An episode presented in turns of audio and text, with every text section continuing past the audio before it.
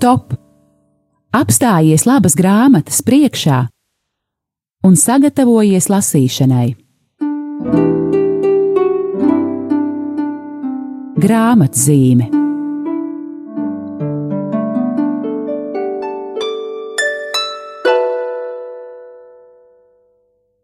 Labdien, mīļie klausītāji un grāmatu lasītāji! Šodien, visu svēto dienā, kopā ar jums kala rakstu izdevniecība mazliet citā sastāvā. Šoreiz studijā esmu es, Dace, Laura. un arī pa brīdim mēs lūgsim pievienoties un izteikt viedokli priesterim Pēterim Skudram. Labdien! Ir ļoti tāds interesā, interesants sagadījies, ka šajā visu svēto dienā mēs apskatām mūsu pēdējo izdevniecības grāmatu, kas tieši ir par šo tēmu, kā kļūt svētam, kļūstot pašam par sevi, tādam, kādu Dievs mani ir radījis, ejot to ceļu, kādu Dievs tieši man ir izvēlējis. Šī ir Jēzītu tēva Džeimsa Mārtina grāmata ar nosaukumu Kļūsti tas, kas tu esi. Tomasa Mērtona un citu svēto atklāsmes par īsto patību. Autors Džeims Mārtiņš uzsver, ka viņš šajā grāmatā tieši pievēršās tēmai par to, kā kļūt par sevi pašu, un tāpēc viņš bieži atsaucās uz savu garīgo skolotāju, Tomasu Mērtonu, un citē e, viņa darbus, viņa dienas grāmatas, bet galvenais, ka viņš nevis taisa tādu zinātnisku apskatu par, par Mērtona darbiem, bet stāsta par to, kā viņa dzīvi un viņa ceļu uz, uz savu īsto patību un sevis meklēšanu, kā ir ietekmējis Tomas Mērtons. Grāmatu varētu lasīt eh, droši visi tie, kas daudz šaubās, un kuri līdzīgi kā es ar um, nu, tādu vislielākām aizdomām izturās pret vārdu svētums. Šorīt, eh, pamostoties un domājot par šo raidījumu, es jau godīgi uzdevu jautājumu, vai es gribētu būt svētā.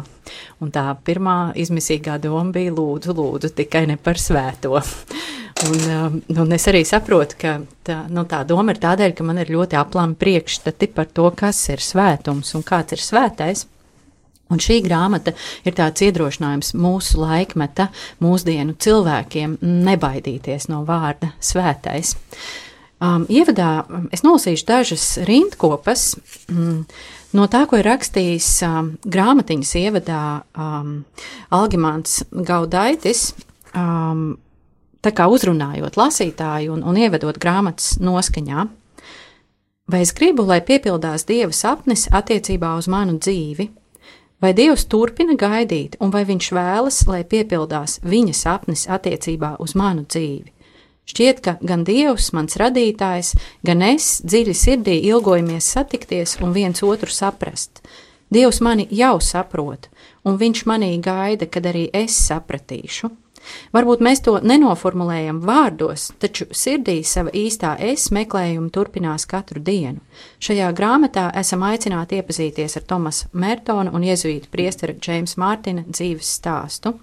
Atradīsim Džeimsa Mārtina ticības un aicinājumu pieredzi, ko viņš guvis lasot Tomasa Mērtona grāmatas un ko attiecinājis uz savu dzīvi. Es tad arī atļaušos um, pievienoties šai sarunai. nelūgts pagaidām. Ja. Uh, bet um, te, tu arī Dārts minēja to, ka uh, tevi varbūt um, samulsināja tas, ka viņš saka Tomas Mērtonu un citu svēto atklāsmes par īsto patību. Un jāsaka, ka Tomas Mērtons nav atzīt, nu, baznīcas atzīts svētais.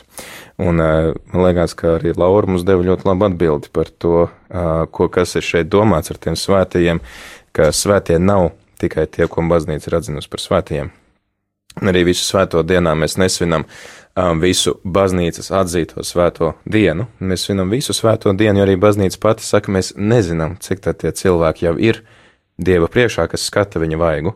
Bet um, es vēlētos varbūt uz šo vārdu svētums paraudzīties ar tādu skatījumu, kā mēs šodien arī ar priesteri Paulus to raudzījāmies um, uh, rīta katehēzē, ka svētais Tas ir katrs no mums, katrs no mums esam aicināti uz šo svētumu, jo Jēzus saka, esiet pilnīgi, kā debesu tēvs ir pilnīgs un Dievs, kas ir visas svētuma avots, vai ne?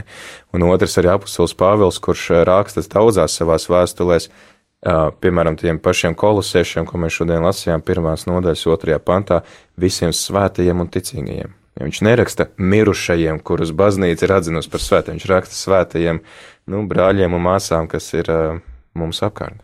Tātad, nu, katram no mums. Katrā ziņā ar manu pieredzi ļoti mm, sasaucās uh, tēva Džeimsa Mārtina apraksts par to, kā viņš uh, iestājās klosterī un kā viņš mēģināja praktizēt to svētumu, kā viņš mēģināja saprast, kāds tas viņa ceļš. Un viņš viņš stāsta par to arī, kā tas bija tāpat, kā es jutos, ka es eh, konvertējos, man bija liels entuziasms, un, un es tik ļoti gribēju būt svēta, ka es mēģināju burtiski atdarināt kādu. Es mēģināju kļūt par kādu pilnīgi citu cilvēku, es sāku jocīgi uzvesties, pilnīgi ne tā kā man raksturīgs, un, un Džēms Mārtiņš arī raksta, ka noviciāta sākumā viņš domāja, ka kļūt svētam nozīmē izmainīt būtisku daļu no sevis – apspiest savu personību, nevis stiprināt to. Lai cik dīvaini arī izklausītos, es domāju, ka būt man pašam nozīmē būt par kādu citu. Un tā viņš eh, pamazām ticības ceļā, viņš saprot, ka patiesībā viņam nav jākļūst par kādu citu, viņam ir jāsaprot, kas viņš patiesībā ir, kādu dievs viņu tieši viņu ir radījis, un kāds ir tas viņam domātais ceļš, Un arī viņš uzsver tādu apusēju iedarbību, ka viņ, ja viņš meklē, patiesi meklē, kāds ir Dievs, tad tikai tad viņš var saprast, kāds viņš ir patiesībā, un saprot, saprotot, kāds viņš ir, saprotot savu patību, viņš patiesi arī var skatīties un saskatīt Dievu. Man liekas, arī trāpīgs te ir citāts no jau svētā pāvesta Jāņa 23. Uh, kuru pāvests rakstīs savā dvēseles dienas grāmatā. Es neesmu svētais Aloīzijas, un man nav jāmeklē svētums viņam raksturīgajā veidā. Jā, nevienam no mums viņš turpina, um, nav paredzēts būt sausam un bālam parauga atveidam, lai cik pilnīgs šis paraugs būtu. Drīzāk jau raksta pāvis Jānis, mums paredzēts svēto paraugam sekojot to pieskaņot mūsu pašu dzīvei. Tad, tad mēs arī kaut kā iedomājamies, ka mēs tagad skatāmies uz svētiem, kā viņi dzīvojuši, tad mums tāpat ir jādara. Mēs tikai ņemam tos principus, tos principus sakošanā Dievam, bet uh, mēs esam mēs paši. Svētā māte Terēza nevar būt uh, svētā dāca, piemēram, un viņa nekad nebūtu tik labi mieram tuvu izplatītāja, kā, kā nu, savukārt dāca nevarētu būt māte Terēza, un tāpat arī es, ja Es cenšos būt labs tajā vietā, kurā Dievs man ir sūtījis, un darīt labi to, kas man ir jādara. Un, protams, darīt to saskaņā ar nu, šo svētā gara vadību. Ja, es viens pats to nedaru, bet es to daru kopā ar Dievu, un, un uh, tas arī ir tas svētums. Šeit ir ļoti jauks citāts tieši, kas turpina šo tēmu um, par to, ka šie ceļi ir ļoti atšķirīgi. Jaunai mātei ceļš uz svētumu ir pavisam citāds nekā vecam priesterim, un droši vien ceļš uz svētumu ekstravertam jauneklim, kurš vislabprātāk pavada laiku kopā ar draugiem pie alus kausa, vērojot savas komandas spēli, atšķiras no ceļa, kas piemērots introvertai pusmūža sievietei, kurai patīk mājās sēdēt savā ierastajā krēslā, lasot labu grāmatu un malkojot kumelīšu tēju. Varbūt tagad paklausīsimies kādu dziesmu un pārdomāsim dzirdēto. Ok, tad lai skan dziesma, mēs esam viena ģimene.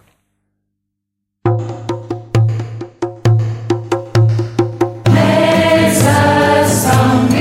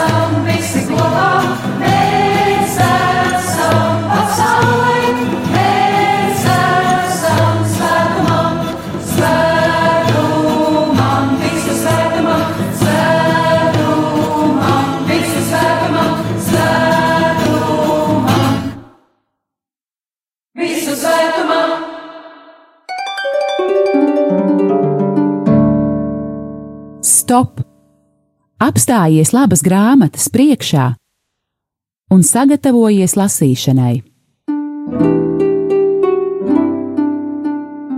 Grāmatzīme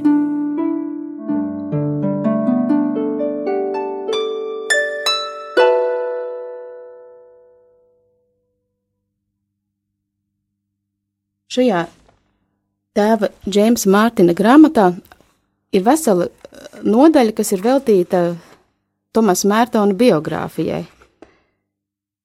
Tur nav varbūt tik daudz kā tādi fakti, bet tieši tas garīgais ceļš, kā viņš ir agri jau bērnībā zaudējis vecākus un uh, dzīvojis dažādās uh, panzijās un viesu ģimenēs, un līdz pat uh, stud studiju laikam universitātē viņš mīlēja iedzert un uzdzīvot, bet kaut kā tajā laikā tieši viņā arī radās interese par reliģiju.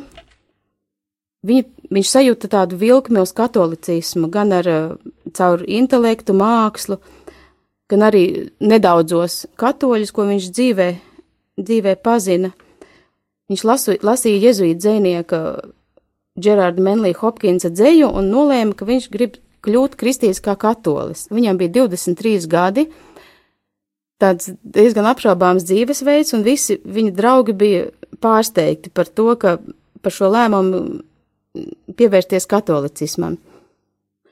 Un tad viņš uh, arī kļūst par, par mūku, un tas galvenais, galvenais tā viņa uh, garīgais ceļš, viņš pats ir aprakstījis vairākās vairākās grāmatās, dienas grāmatās. Viņš savas dzīves laikā ir ļoti daudz sarakstījis dažādu grāmatu, biogra, autobiogrāfiju, un arī Džeims Mārtiņš atzīst, ka Mērtons ir bijis ļoti godīgs, jo viņš ir, viņš ir atspoguļojis arī tādus nepatīkamus faktus no savas jaunības, tur kādas savas īpašības, snobismu, augstprātību, ko viņš būtu varējis noklusēt, bet viņš parāda sevi, kād, kād, kāds viņš ir, kāds viņš tajā laikā bija, un lasot viņa biogrāfiju, ko viņš sarakstījis pēc 20 gadiem, katrs vienkārši var, var, var brīnīties un būt pārsteigts par to, kā viņš ir mainījies. 27 gadus viņš nodzīvoja kā trapistu mūks, sarakstījis daudz grāmatas un esejas, bet Mertonam bija ļoti raksturīgs tas, ka viņš ka viņš nekad neapstājās. Viņš meklēja līdz pat mūža beigām, viņš centās būt paties, atmest to, kas nav saskaņā ar viņu īsto patību, censties kaut kā uzsvērt tās īpašības, ko, ko Dievs viņam ir ielicis. Un tas arī man liekas, ka garīgajā dzīvē ir ārkārtīgi svarīgi nevis kaut ko noformulēt un palikt ērti sēžam savos viedokļos un priekšstatos, bet nepārtraukti būt godīgam uz sevi, atbildēt, vai, vai tas krekliņš, ko es šodien valkāju, ka, kas bija man vakar, vai viņš nespiež, vai kaut kas nav kaut kāds diskomforts, vai es joprojām, joprojām meklēju patiesību, un vai vakardienas patiesība mani apmierina. Nu, man arī šī grāmata likās, ka viņu varbūt var mēģināt lietot kā tādu rokas grāmatu, lai saprastu, kā tad atklāt to savu īsto patību. Tur ir tik daudz dažādu iespējamu ceļi, un varbūt uh, lūdzu, nu, varētu lūgt Pēteri, nu, kā, kā tu domā un kā tu jūti, ko var ņemt no šīs grāmatas, lai cilvēks nu, saprastu, kas ir mana patība, vai to vispār ir iespējams saprast? Uh, jā, tas. Um Es arī tieši uzdevu šo jautājumu, lasot šo grāmatu, ko tad tādu praktisku Džeims iesaka. Jā, un te viņš arī 39. lapas pusē viņš saka, šīs garīgās frāzes var šķist pārāk abstraktas un svētulīgas, un varbūt pat nedaudz tukšas un sadomātas. Ko tas nozīmē praktiski un kā šo atskārsmi likt lietā? Un viņš saka, vienkārši jācenšas iet prom no tām mūsu īpašībām, kas mūs attālina no dieva, no egoisma, lepnības, bailēm Un arī jācenšas savu iespēju robežās iet virzienā uz tām mūsu īpašībām, kas tuvina dievam. To darot, cilvēks pamanīs, ka pakāpeniski kļūst arvien mīlo, mīlošāks un dāsnāks. Tāpat jāpaļaujas uz to, ka pati šī vēlme tā rīkoties ir no dieva. Un te arī bija tāda interesanta saruna, kur Tomas Mērtons, um, Džims Mārtiņš atsaucas Tomas Mērtonu, ka viņš ir bijis runāt ar kādu savu draugu, kas saka, um, tev ir vienkārši jāgrib kļūt svētam. Un tad viņš ir gājis runāt savu garīgo vadītāju, viņš saka, nu, tā tā tiešām tā tikai pietiek, ka es gribu kļūt par svētu. Viņš saka, jā, nu, tu vienkārši sāc ar to, ka tu vēlies, ja tu saki Dievam, es, es kaut vai es gribu gribēt, ja, nu, man varbūt pat nav īsti tāda iekšēja tā vēlme, bet Dievs, es, es vēlos, kaut es, kaut es gribētu to darīt, ja. Un, um, un arī tāda lieta, ko noteikti mēs varam paņemt un ko mums uh, Džims Mārtiņš iesaka, viņš apkopo tādas četras lietas, kas raksturo šos viņu divus uh, skolotājus, kas ir Mērtons un, un Novens, uh, un kas arī raksturo nu, citus svētos. Viņš pirmkārt raksta, ka viņi abi divi ir um, atklāti.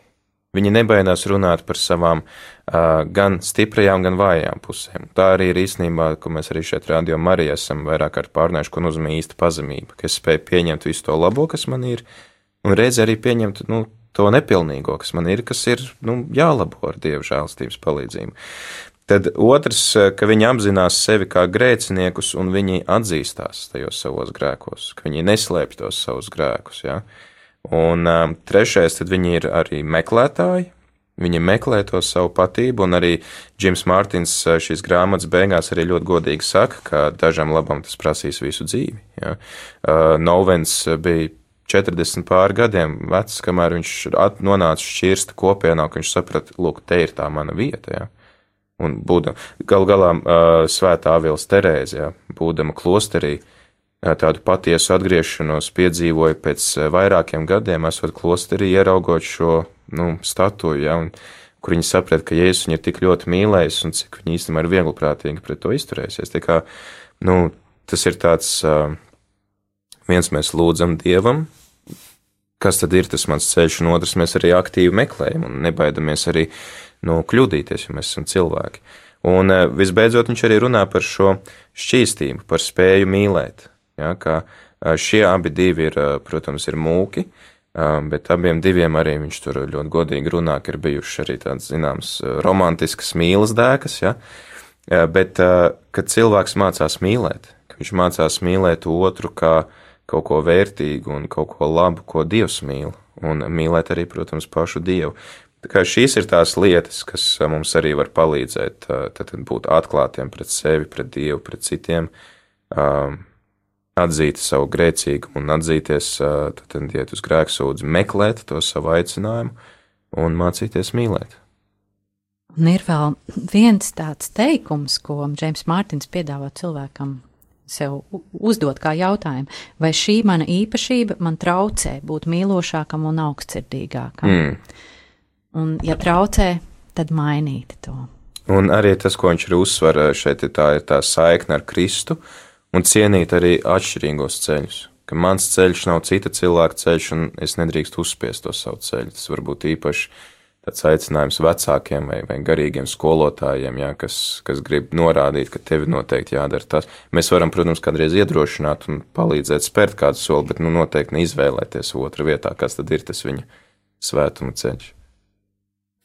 Man patīk arī šeit viens citāts no Tomasa Mērtona grāmatas apceres, neviens nav vientuļa sala. Tur ir ļoti jauka rindkopa.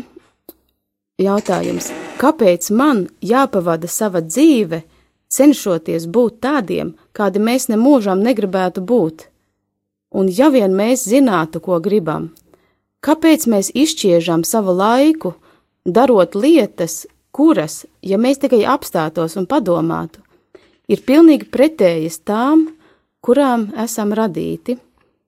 Es arī bieži esmu domājis par šo jautājumu, meklējot uh, savu vietu dzīvē, domājot par to, kāds tad ir man, mans aicinājums, kas man būtu dzīves laikā jāizdara, un es sapratu, ka patiesībā mēs ļoti daudz laika izšķiežam, cenšoties atbilst kādam citu prasībām vai mēģinot izpatikt citiem un, un darīt to, ko citi no mums sagaida, un mēs tik ļoti tajā iestiegām, ka ka bieži vispār nesaprotam, kas mēs paši esam. Mēs esam tik tālu aizgājuši no tā sava kodola, no savas būtības, un tad vienkārši ir, ir jāapstājās, un es pieņemu arī, varbūt ir, jo tālāk mēs esam no sevis aizgājuši, jo ilgāks laiks ir, lai atgrieztos atpakaļ pie sevis, un ir vienkārši jāapstājās un jāsaprot, kas tad, kas tad es esmu, ja atmet visu to, ko citi no manis sagaida, to, ko citi par mani saka, kas es esmu patiesībā. Un lūk,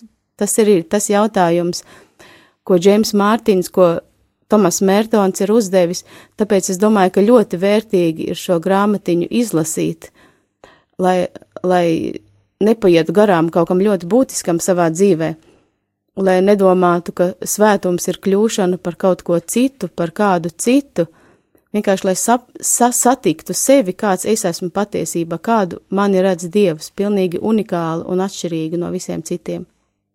Un vēl tādai mazai intrigai, um, grāmatņā ir arī vesela nodaļa par uh, nu, tādu kā apceru par to, kā tad Jēzus saprata, kas viņš ir. Jā, tas arī man liekas ļoti interesants apcerējums, jo viņš uh, atsaucā, viņš pats arī saka, ka viņš nav teologs, viņš arī nepiedāvās, kā tur īsti būs. Uh, patiesībā bijis ar Jēzu, bet uh, viņš saka, mums bija kursa biedrs, kurš uh, Bībeles gudram pasniedzējiem prasa, kā Jēzus sev apzinājās, vai viņš zināja, tur, ka jūdas viņu nodos un, un, un kā viņš apzināja savu misiju. Un, un tas, viņš saka, man nav nejausmas, jā, ka tāds, tāds brīvs, bet īstenībā iedvesmojošs apcerējums. Un, To, to ir tiešām varbūt vērts lasīt kā tādu džīma piedāvātu meditāciju. Viņš arī nāk no Jēzus sadraudzības, viņi ļoti daudz lasījuši svētos rakstus un mēģinājuši iztēloties, jā, kāds tad ir tas bijis Jēzus un kā, kā ir bijusi dzīve ar viņu. Un katram no mums būs droši vien savas atbildes par to, cik Jēzus sevi apzinājās, piemēram, 12 gadu vecumā vai pēc tam 30 gadu vecumā, ka viņam ir kaut kas jādara vai nav jādara, un, un, Un viņš pēc tam arī nonāk līdz tam, ka droši vien uz krusta Jēzus apzinās to, ka tagad viņš izpildīs to savu misiju vispilnīgākā veidā, kas nu, tā arī ir. Viņš izglāba visu pasauli. Es ceru, ka esam ieintriģējuši jūs un radusies ir kāda interese un vēlme šo grāmatu izlasīt. Grāmatu var iegādāties uh, draudžu grāmatu galdos arī mūsu mājaslapā, internetu veikalā Mieram Tuva LV. Un izmantojot uh, iespēju, arī gribam pastāstīt, ka novembra mēnesī esam sagatavojuši mieram tuvu komplektu. Sagaidot rītdienu dvēseli dienu, mēs piedāvājam izdevīgi iegādāties Renharda Kērnera grāmatiņu Kāpēc es ticu mūžīgajai dzīvei, kopā ar mieram tuvu novembra numuru. Tas varbūt ir komplektiņš, tas ir, lai, lai, lai padomātu šajā latviskajā veļu laikā, kā saka, par, par to, kas ir, kas ir nāve, un, un nebaidīties uzdot sev jautājumus, kas ir mūžīgā dzīve un kā mēs to iedomājamies un kādu dievs to redz.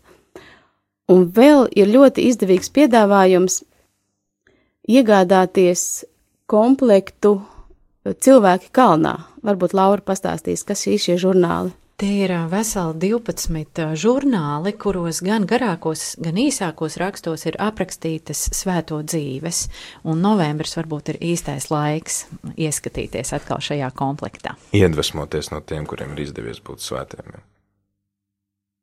Liels paldies par šo brīdi kopā 1. novembrī. Vēlam visiem skaistus svētkus, visu svēto dienu un uz tikšanos atkal raidījumā. Visu labu, mīļie klausītāji! Visu labu!